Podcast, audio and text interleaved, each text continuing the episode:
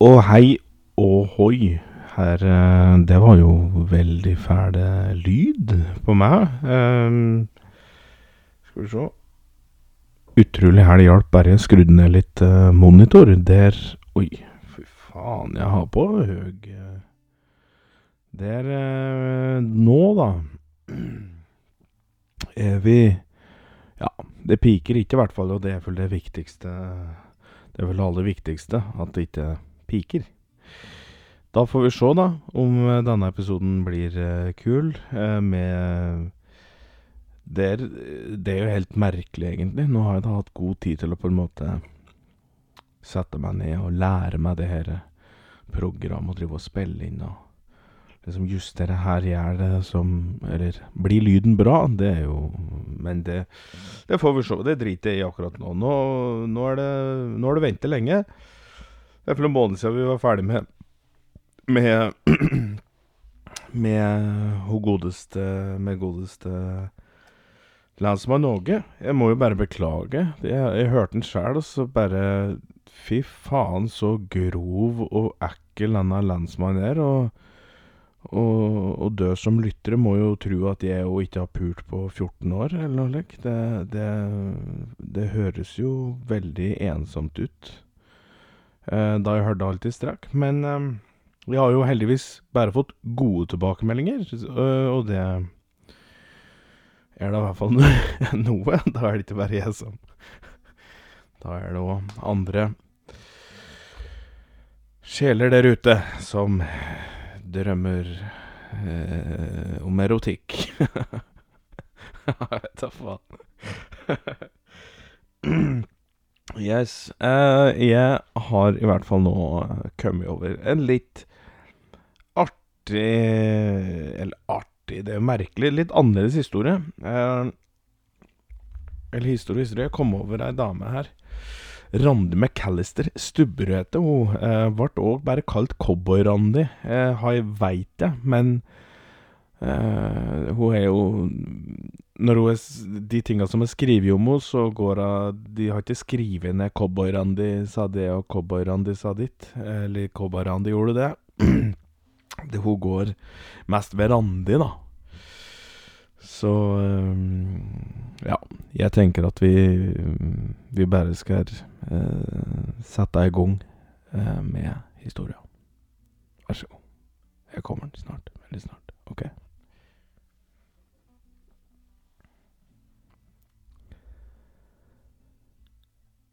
Et damplokomotiv på Det var bra start. Det hørte jeg. Jeg, må ta noe å drikke. Nå prøver vi en gang til, da.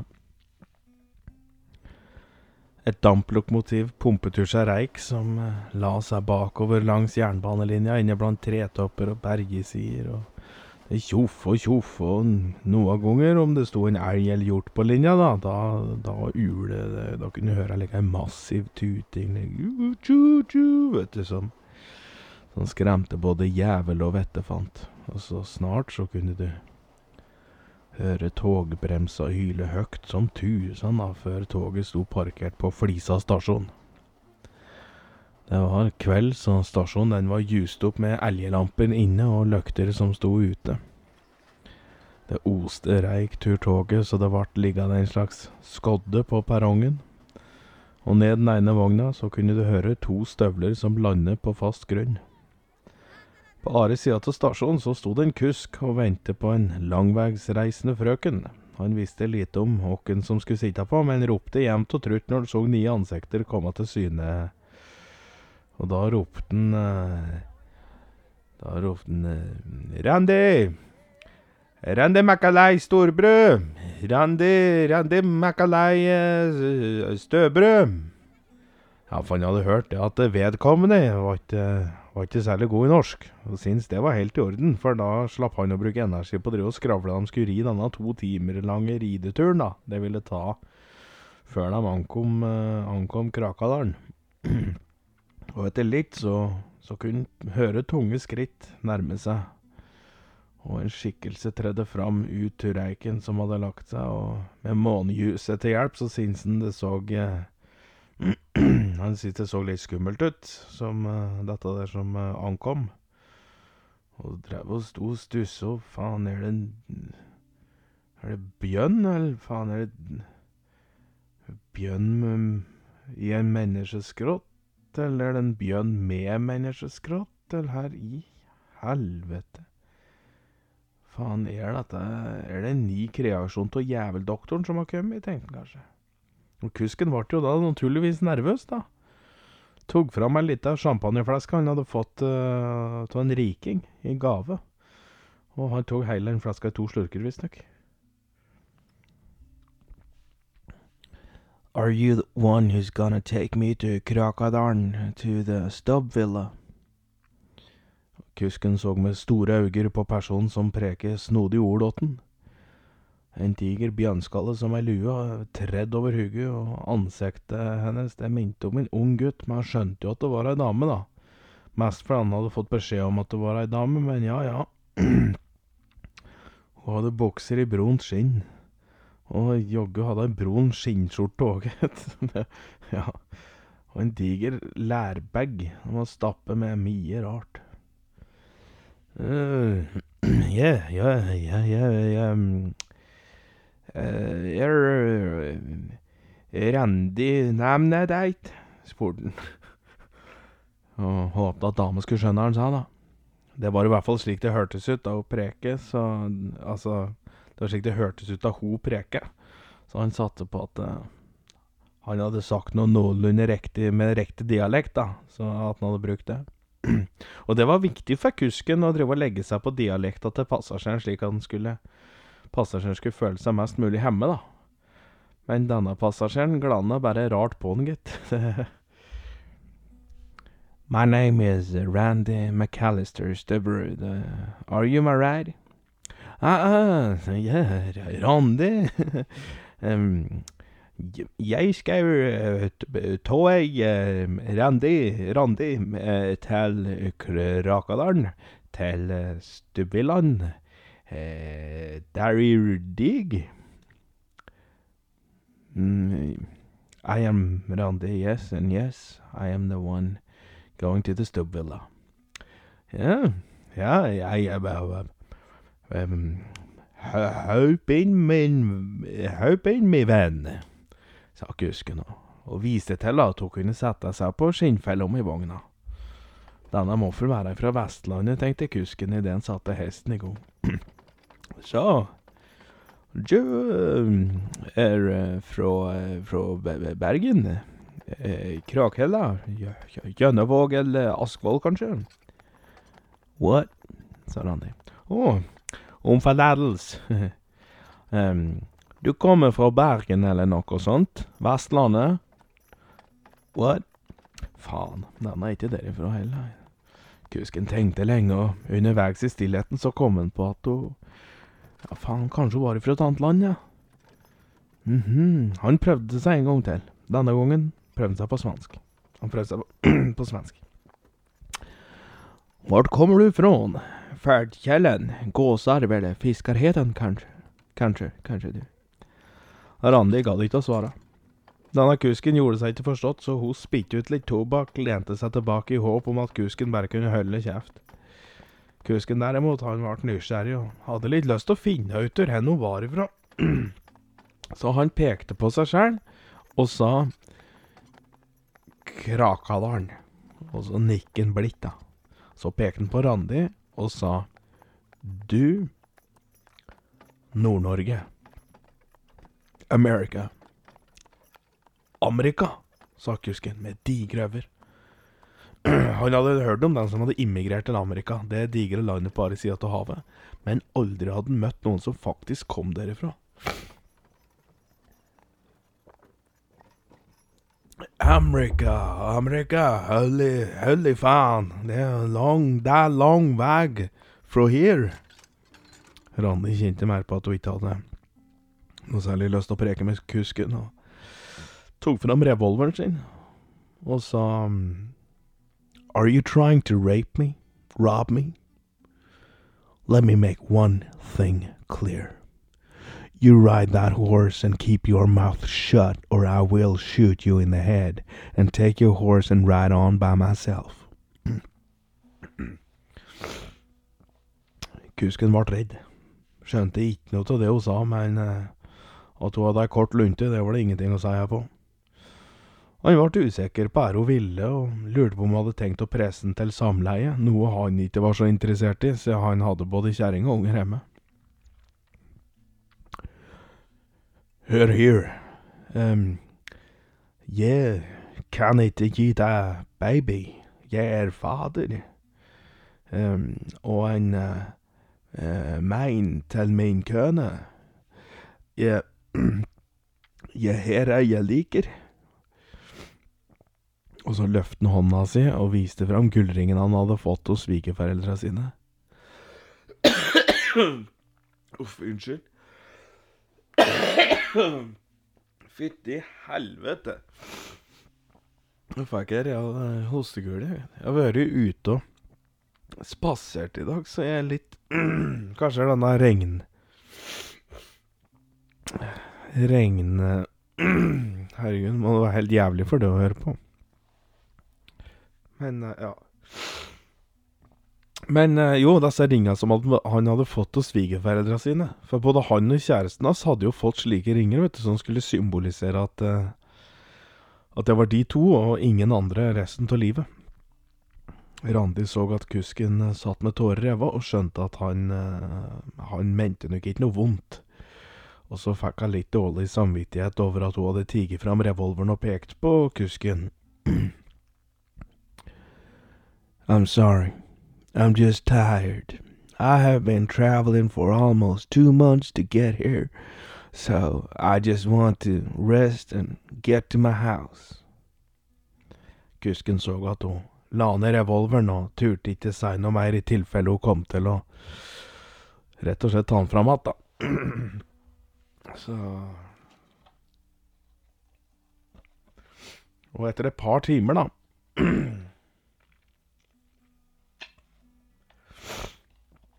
Uff a meg. Det var da faen til hosting.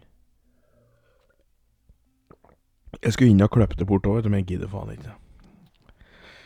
Så Etter et par timer, ja, så ankom kusken og Randi Stubbvillaen, som står litt uh, med Krakadalen. Randi takker kusken for turen, og, han ga, og ga han en skinnpung med gull som hun hadde funnet en eller annen plass i Colorado. Randi sto nå utafor denne svarte porten utafor den store villaen som hun hadde nå arvet av sin bestemor. Tekla Gåsli heter hun. Tekla gifte seg med Nils Erik Stubberud en gang i tida, som var en, og han var en rik skogserber, nei, skogseier. Eh, og han var jo en jævel, som han, han tok jo ikke akkurat fem øre for å finne fram flatneven og skrelle åt si fru de ganger han var frustrert. Og dette førte til at Tekla forgiftet kæren sin og skyldte på sykdom, og så ble hun sittende alene da, i dette digre huset med sine to barn, Ole Karl og Sigurd Lars. Ole Karl han valgte å bli sjømann i sin tid, og når han ankom New York i 1860, så ble han så forelsket i Edith McAllister, som hadde foreldre eh, fra Voss. så, så de gifte seg og dro videre innover i Amerika og bosatte seg blant Cheyenne-indianere i Sør-Dakota. Randi kom til verden i 1868, og med hjelp av indianere som kunne hjelpe til med medisin og åndesang når Randi ble født uh, uten, futs, uten pust, da, så gikk jo det heldigvis uh, bra. Hun uh, vokste opp der, lærte seg både jakt og fiske, snekre og kokkelere gjorde hun òg. I 1890 så begynte det å ulme i USA. Og de Eller, de hadde det for gjort lenge, da, men, men nå hadde fulldininnflettet fra Europa blitt grådigere og, og, mer blodige, og kom nærmere og nærmere der de bodde.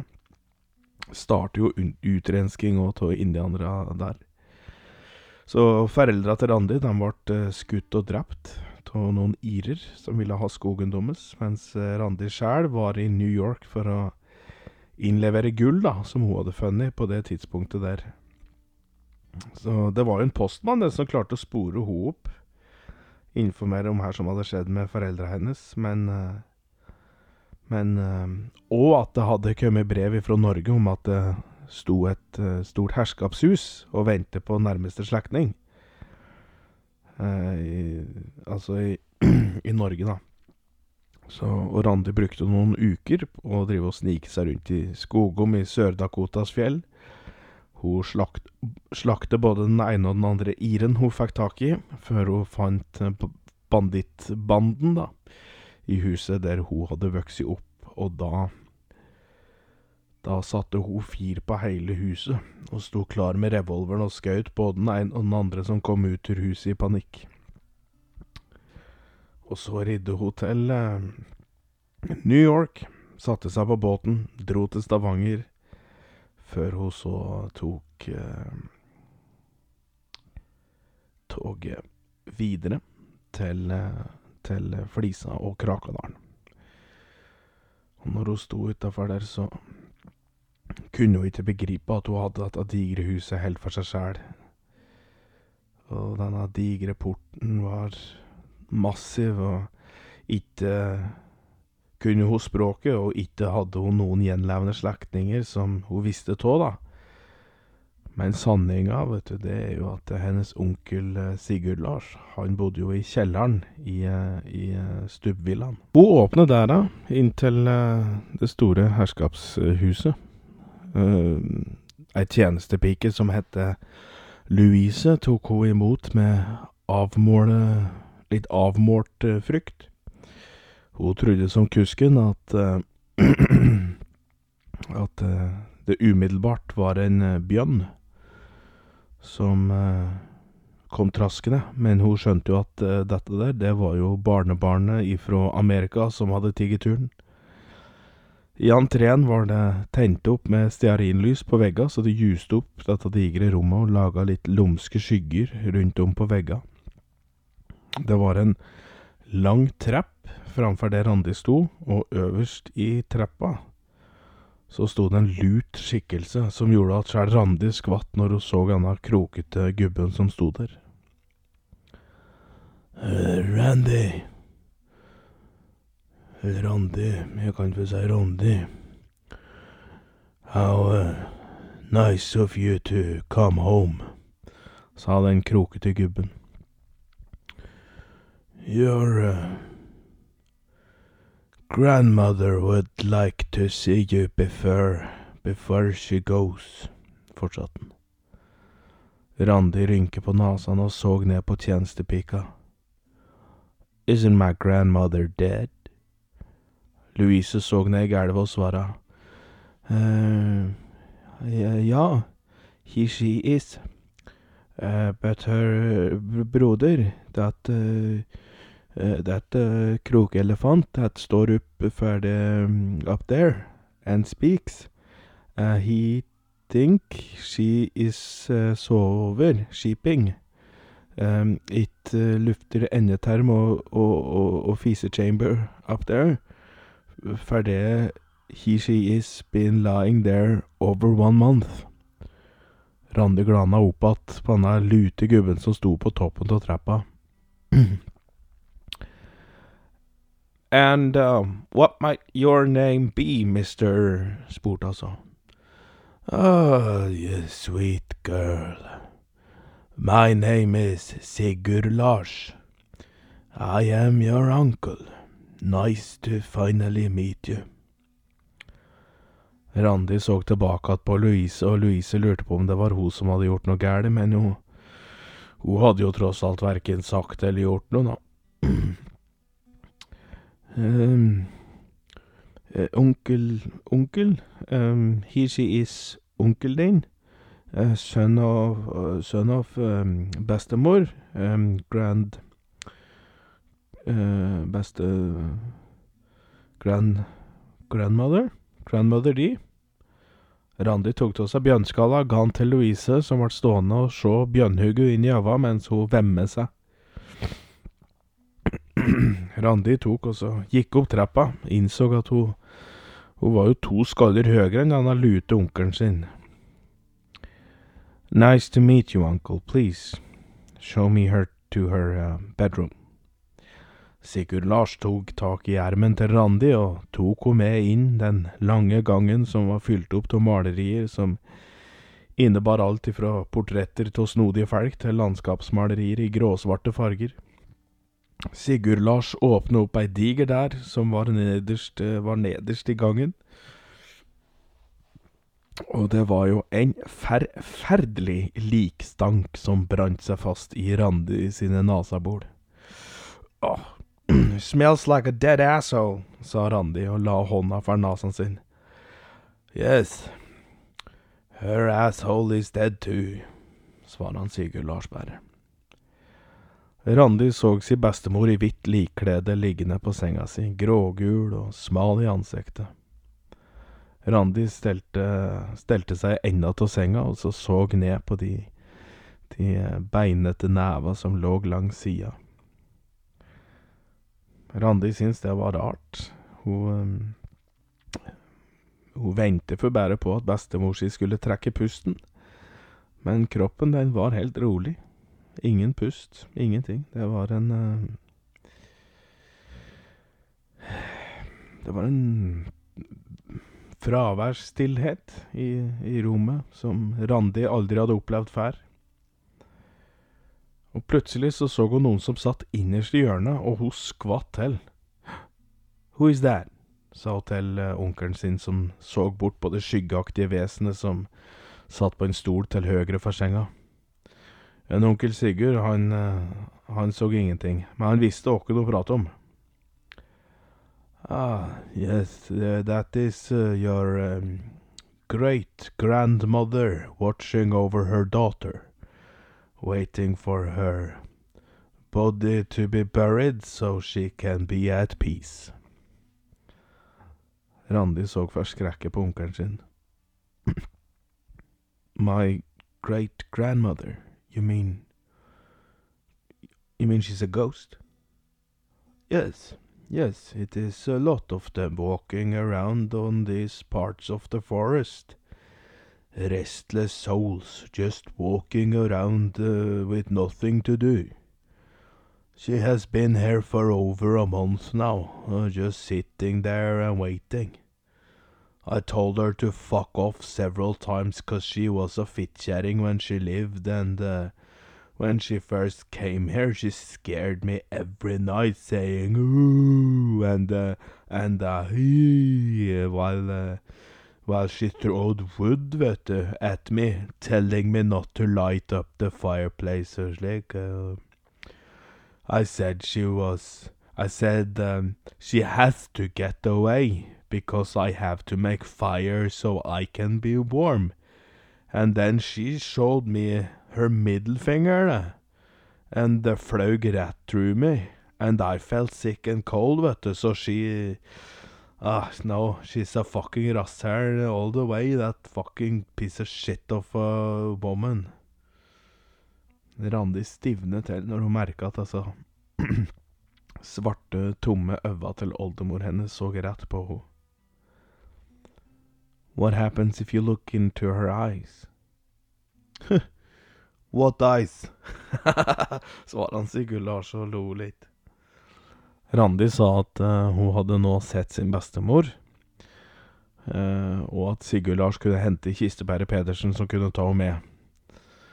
Og uh, det var ingen som kom til gravleggelsen av hennes bestemor, så det, det var bare Randi, Sigurd Lars og Louise som var Altså tjenestepika, som, som var til stede der. Livet til Randi i Stubbvillaen var jo ikke helt som det hun var vant med, da. Ofte så lå hun heller ute under denne digre grana som sto bak i hagen hennes, fordi hun syntes at uh, soverommet hennes var for digert. Og hun syntes ikke noe om at Louise gikk og væske og holdt uh, ordning i huset. Men etter flere diskusjoner med onkelen sin, da, så endte det med at hun lot Louise få bli værende, i stedet for å gi henne sparken, for uh, Louise hadde jo ingen andre plasser å reise.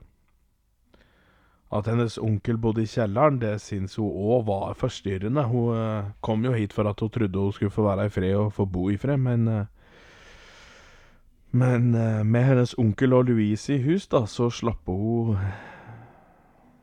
Hun slapp jo aldri av. Det var jo akkurat som at hun følte at hun måtte tilpasse seg dummes levesett, da, selv om det var hun som eide huset nå. Så Men det er klart, det er jo litt merkelig. De hadde jo eh, mye mer forhold til Randi før hun kom, så Ja. Og ikke forsto hun den der rare dialekta til krakadalsfolket heller, da, så det endte jo med at hun bare sluttet å preke, rett og slett. Hun vandrer rundt eh, på Grendom med tunge støvler og skinnklær og med dette bjønnhuget, da, som, som, som trodde Dette bjønnhuget på hugget, ja, så trodde jo folk Folk trodde jo først at dette var en skapning fra underjorda som hadde kommet for å drepe dem.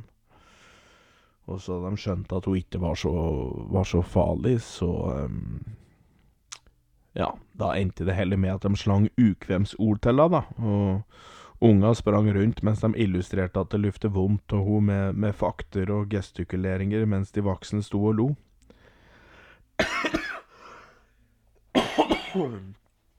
Så Det var ikke alle som syntes det å gjøre nær Altså gjøre narr, da, Så noen var noe særlig. Heldigvis, får en si, så, så var full det store flertallet imot den slags, men de sa jo heller ingenting. Så det er rart slik med krakadalsfolket. De veit jo godt her som er rett og galt, men hvis, er, hvis noe først er galt, så er de såpass engstelige for uh, her dem som er rasshæl i bygda, vil synes og og slarve om dem sida, da. Så da holder de som regel kjeft, og så passer de sine egne saker, og lett heller alt andre bare gå sin gang. Så, og en dag, da, så var det jo en av Krakadalens bøllefrø, en Simen Brusk. Han uh, hadde vel fått i seg et par stramme glass, og skulle, så skulle han tøffe seg litt, vet du, overfor Randi, som satt stille og rolig inne i baren som Willy og Vendela Bollebom dreiv. Uh, Randi satt der stille og rolig med et glass whisky i nevene mens fleska sto på bordet og spilte kabal. Og når Simen Brusk skulle tøffe seg for kompisa sine, da tok han og så satte seg ned ved bordet til Randi.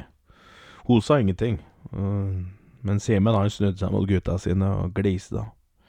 Han visste at om noe gikk skeis, så ville jo kompisa komme og hjelpe han, slik, at, slik de hadde gjort tidligere, da Simen Brusk ville tøffe seg og vise folk hvor sterk han var.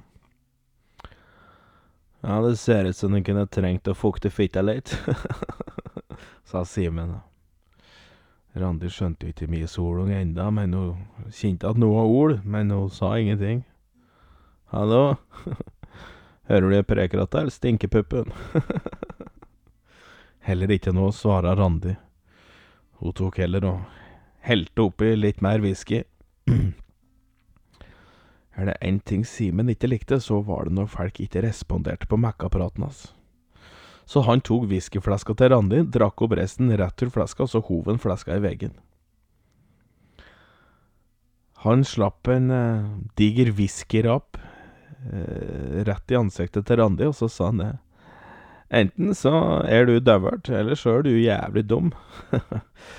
Men det spiller ingen rolle for meg, det, for jeg er bare interessert i å knulle deg. Willy og Vendela sto i baren og ble svettere og svettere. De likte, de likte dårlig, altså, de gangene Simen var svær i kjeften. Det endte jo som regel opp med en helvetes opprydning. Og aller helst så skulle de ikke servert den Simen, men du veit, om de ikke gjorde det, så var det dem han kom til å gjøre noe fælt, vet du. Så Randi hun satt øynene i, i Simen, og så sa I recommend that you go to the bar, bring back another bottle of whiskey, put it on the table, and then you leave me the fuck alone. Simen var ingen racer på engelsk, så han sa bare Boy og girl, dog. One, two, three, four, five. Randi så rart på Simen, for hun skjønte ikke det her eh, Her det var han mente. så Og så, så, så hun så da videre bort, da, på Willy og Vendela. Is this man lobotomized, or does he have a caretaker with him that uh, can get him home? Simen, som sagt, skjønner jo ikke engelsk, men lobotomized, det ligner på ordet lobotomert, så han reiste seg opp og skreik Randi i ansiktet. Jeg er faen ikke lobotomert i skorpetå, du bør faen meg vite åkke jeg er, eller har du ikke hørt om en Simen Brusk? Det er meg, jeg er Simen, det er meg. Randi så igjen bort på Willy og Vendela.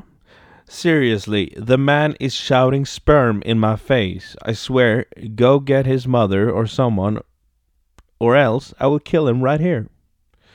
Willy kom nervøst bort til bordet og sa til Kjell Nei, sa til Simen. Du, Simen, oh, kan ikke du gå hjem til kjerringa di i stedet, hæ? Kanskje du kan leke litt titten tei eller tampen brenner eller noe slikt. Og denne dama der er fra Amerika, vet du, det er ikke til å tulle med, hun der, tror jeg. Sim, Simen ga, ga Willy fingeren og så på Randi. Du, kall meg sperm, sæd you. Hm, du kall meg sperm, sæd, sæd, you. Randi så fortsatt bare rolig på Simen, og hun kjente at hun hadde litt lyst til å glise litt av den rare dummingen som satt der ildrød i trynet. Hallo? Er du deaf?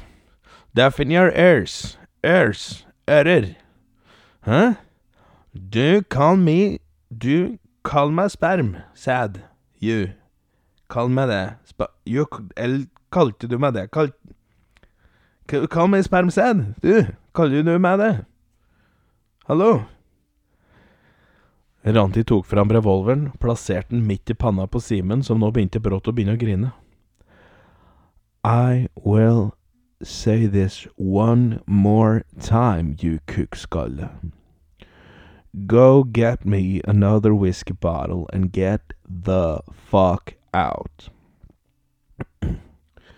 Hun vil du skal gi henne ei whiskyflaske, Simen, og så går du hjem att, hm? Kanskje du kan leke litt gjemsel, eller danse sving med kjerringa di i stedet, sa Willy.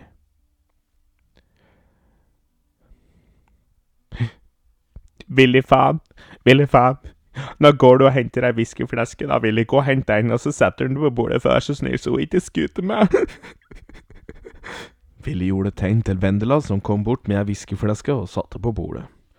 Og så reiste Simen seg opp og gjorde tegn til kameratene sine, og, som reiste seg opp. Og så snudde han seg igjen, så på Randi og sa De ekle fittefaen. Øsk kæra bråker du faen ikke med, så nå tenker jeg at du blir med bak huset, så skal vi skampule deg en etter en. Randi begynte å le. For hun skjønte at kæra, de skulle tøffe seg, skal gjøre noe faenskap. Plutselig så smalt det seks kjappe skudd. Willy, Vendela og Simen sto alle forskrekka og snudde seg og så at alle kameratene til Simen hadde fått ei kule hver i panna. Så tok hun whiskyflaska, sprang over bordet, smalt flaska i huget til Simen så flaska knuste i skalla på han, og whiskyspruten den sto til alle kanter. Og så tok hun det skarpe som var igjen av fleskehersen, og så høgg til over neva til Simen så gubben skreik alt han makte. Å, herre jævel, hjelp meg da, Willy faen, hjelp meg da, fy faen og helvete. Han grein og skreik og jamra og Randi, han eh, Nei, Randi ga han så to knyttnever, da, så harde, så han svimet av før hun før hun betalte for flaska med en skinnpung fylt opp med gull, før hun da gikk ut og hjem igjen. Og etter dette så skulle man jo kanskje tro at bygda var redde for Randi, men det, det var de egentlig ikke. De syns egentlig at det var helt greit at Simen hadde fått seg en lærepenge, men steinhuggeren syns det var litt kjett da at eh, seks av arbeiderne hans hadde dødd. Og så måtte han jo attpåtil drive og hogge og gjøre klar seks gravsteiner aleine, da, så det var jo litt han, han, han var ikke like glad for det. Så Og Randi, hun var ei snodig frøken, og fant liksom ikke helt sin plass i bygda, følte hun, men det var én ting hun aldri klarte å glemme av fra dagen hun kom, og det var eh, denne fraværsstillheten som var i rommet når hun var i sin eh, bestemors likskue. Det, det endte med at eh, hver gang noen døde rundt omkring i bygda, så dro alltid Randi dit likskua var, og satte seg på en stol ved sida av den døde. Og så satt hun bare der, mens venner og slekt kom innom for et siste farvel med den døde, da. Og jo eldre Randi ble, jo mindre syntes folk at det var snodig at denne stumme kona satt ved den døde og, og, og bare var der. I den stillheten som oppsto mellom den døde og den levende, som òg var fremmed, så var jo det at hun satt der en slags trøst òg. Det, det var kanskje en slags ro som de pårørende underbevisst satte pris på.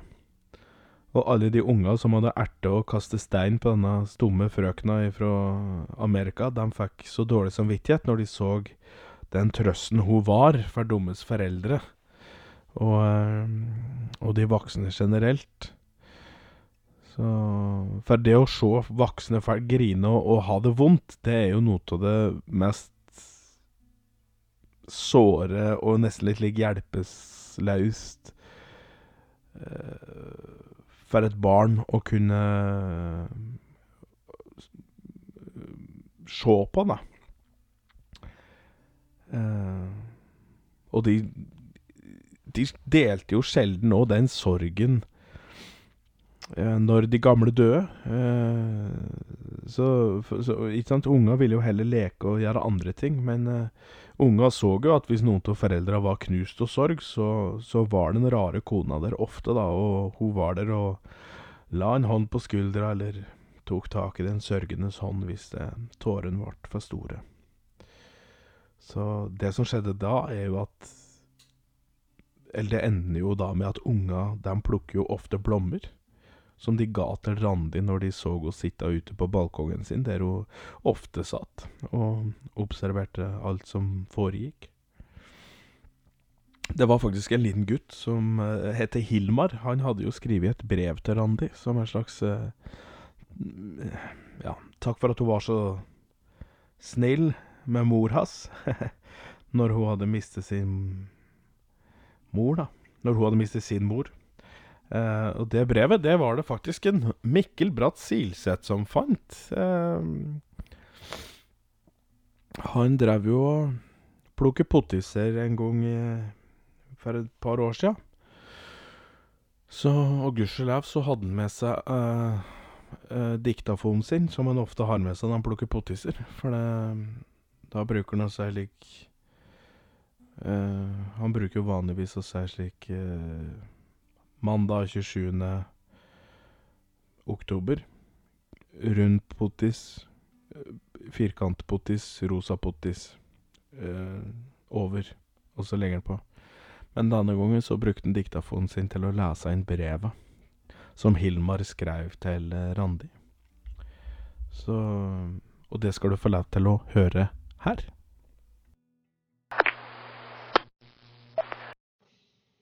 Til den rare dagen det store huset, som alltid er der, og som alltid ser. Min mor sa at hun ville la lysene brenne for deg, selv etter at du var gått fra min mormors likskue. Rutene var så islagte, så hun tenkte det ville varme deg litt. Hun sa at når hun forlot deg, så strødde stjernegull i de islagte rutene i huset, som nå skulle stå tomt over vinteren. Og det gjør stjernene bare for de som er spesielle. Hun sa det er trøstende ord bak de stumme leppene dine, men at de høstes fra øynene dine i stedet. Din tilstedeværelse er merkelig på så mange vis, jeg. For når vår fattige slekt sto der med sorg i kalde sinn, og mormor bludde seg skjelven inn i søvnen, hvorav ingen blir vekt, og hennes angst, som en gang som skygger var gjemt i hennes fjes, så bres det ut en varme fra hjørnet i rommet hvor du sitter stumt og observerer. Den bres ut som en vårsol i klar himmel. Det er uforklarlig på så mange vis, men jeg merket det, og jeg satte pris på det. Det gjør meg så vondt i hjertet at jeg en gang Jeg lyver, for jeg har kastet stein på deg ved flere anledninger, for jeg trodde du var en heks. Det tror jeg fortsatt. Men jeg tror ikke du er en slemmings. Jeg tror du er en trollkjerring som har mye godt i hjertet. Men det ligger gjemt som min mormors angst, som skygger et stramt ansikt. De sier du ikke kan snakke som oss, og at du derfor har skåret av din tunge slik at du ikke behøver å bruke ord i det hele tatt. Det er en merkelig ting å gjøre hvis det er sant. Det ville jeg aldri kunne gjort. Uansett hvor brede de svarte vingene ville omkranset meg og pakket meg inn, slik bygde dere gjerne gjør med sin gullskrøt, så ville jeg aldri kunne skåret av meg tungen. Det måtte ha gjort innmari vondt. Jeg vil bare si om forlatelse til deg, kode uten navn. Jeg tenker ofte på deg når himmelmørket henger. Jeg har hjertet mitt skjelver og vaker i vonde minner ånd. Men det gjør meg sunt og godt at selv om det er forferdelig å komme seg selv så nær, så er det aldri for sent å si unnskyld. Det er ikke det. Min mor sa at jeg var nødt. For når jeg en gang om mange, mange år fra nå sitter ensom i en stue og stirrer inn i peiselen og hører det tunge fotlag utenfor min dør, som vil komme fra min dødsengel den mørke midnattsmannen som bærer nøkkelknippet til den andre siden med sin knokkelhånd. Så vil jeg være glad for at jeg ikke har vonde minner om den jeg en gang var. At jeg heller sitter igjen som en mild og god sjel. Det var bare det jeg ville skrive. Og jeg håper at du har det fint, og at du setter pris på blomstene jeg har plukket. Den lilla rose lange stilken med masse klokker som ser ut som fingerbøll, er rene bjeller. De blå med lang stilke er lupiner. De hvite er rylliker. Og det gule er eggsolei. Hilsen Hilmar Gull. Ja, det var eh, Mikkel Bratt Silseth eh, som leste inn eh, brevet, og det Jeg er så glad for at han gjorde det, for han ikke bare er flink til å lese, men en jævla fin kar òg. Så nei, det var brevet. Eh, ja. Og vi skal videre. Eh, det kom jo en dag når eh, Randi vart dårlig. Såpass dårlig at de fleste visste at det mest sannsynlig ville bli det Eller dem, det var ikke noe mest sannsynlig. De visste at de, det, dette ville bli det den siste rest av Randis liv. Og da samlet det seg mange unger rundt omkring som hadde plukket blomster i alle farver, og dem lagde blomsterkranser som de pyntet opp av Randi med der hun lå under grantreet bak i hagen i hvitt. Ja, for helt Altså, hun hadde aldri sovet ei natt heller, hun, inni det digre villahuset sitt, og det hadde hun for lettere Um, så det rommet, det hadde hun gitt Eller altså, hun hadde gitt huset, det hadde Etter at den, um, Sigurd Lars hadde daua, da, så hadde hun gitt bort Gitt bort huset, eller villaen, til tjenestepika Louise, med det forbehold at hun skulle starte opp et barnehjem som uh, til å brukes Som villaen skulle brukes til, da. Alt gull hun hadde, det er ferdig med, slik at unga skulle ha mat og gode senger, og og så til et snekkerverksted som de hadde bygd opp bak huset, der unga kunne snekre her de ville til leker. Um, dette hadde jo skjedd i 1903, så det var mange år der Randi sjæl var med og, og lekte med unga. Um, for det Randi på dødsleiet, da prater vi jo helt fram til 1949, eh, etter krigen. Så Så hadde et langt liv. Eller, ja, jo, det var det. Eh, men Arandi tok jo aldri noe ansvar for skolegang eller noe slikt. Det, så, men var det bøker hun likte, så kunne det hende at hun anbefalte de da til unga som hun følte kunne trenge ei god bok. De voksne i bygda ja, de var full gjennom Randi sitt liv like fordomsfulle til til eh, dette mennesket som eh, sjelden sa noe, men eh, de visste jo at Randi òg hadde tigget livet av seks personer i, i Willy og Vendelas bar en gang i tida. Så de eh, passer på hva de sa. Og unger som òg var av de etterlatte, de eh, kunne òg fortelle at eh, en kveld, når Randi satt ute ved grana si og tegnet historier til unga i en askehaug, så hadde det vært stjerneregn på himmelen. Og da hadde de faktisk telt over 50 stjerneskudd på en time. Like før Randi hadde tatt sine siste pust, så hadde hun til alles forskrekkelse tigget fatt gitaren. Som en Gitar-Johnny hadde med seg for å spille dystre viser om døden på dødsleiet hennes. Og så hadde hun sunget én sang. Nei, gett. Randi hadde visst ikke kuttet av seg noen tunge som alle i bygda trodde allikevel. Hun hadde faktisk òg til et punkt lært seg solungdialekt og det norske språk, men her hun brukte det til, det er det ingen som veit, for alt hun hadde skrevet, det var jo på engelsk. Men sangen som hun sang, den var på solung. Og den gikk slik.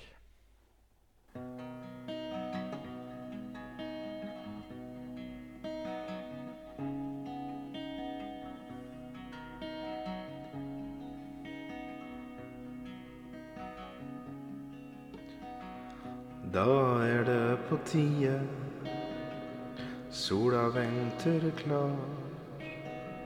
Det gjenstår noen farvel, og så venter det gjensyn med mor og far.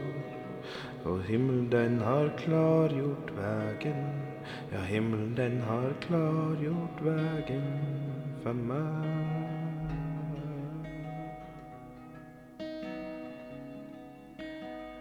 Jeg har vært i eldre og grå, og livet det skjønte jeg ingenting tå.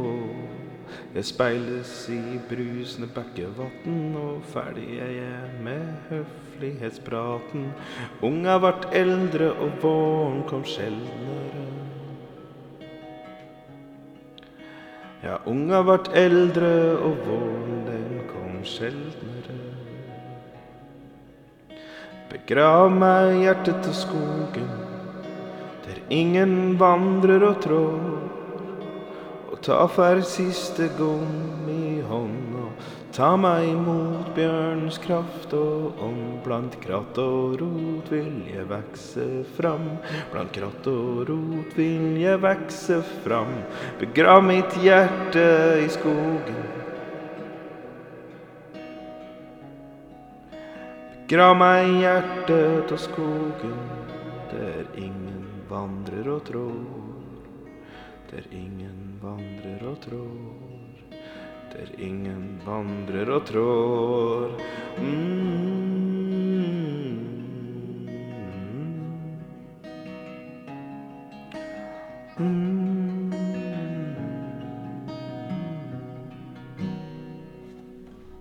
Ja, ja, ja, ja.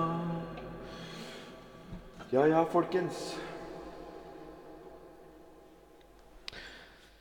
Og slik gikk historien om Randi McAllister Stubberud.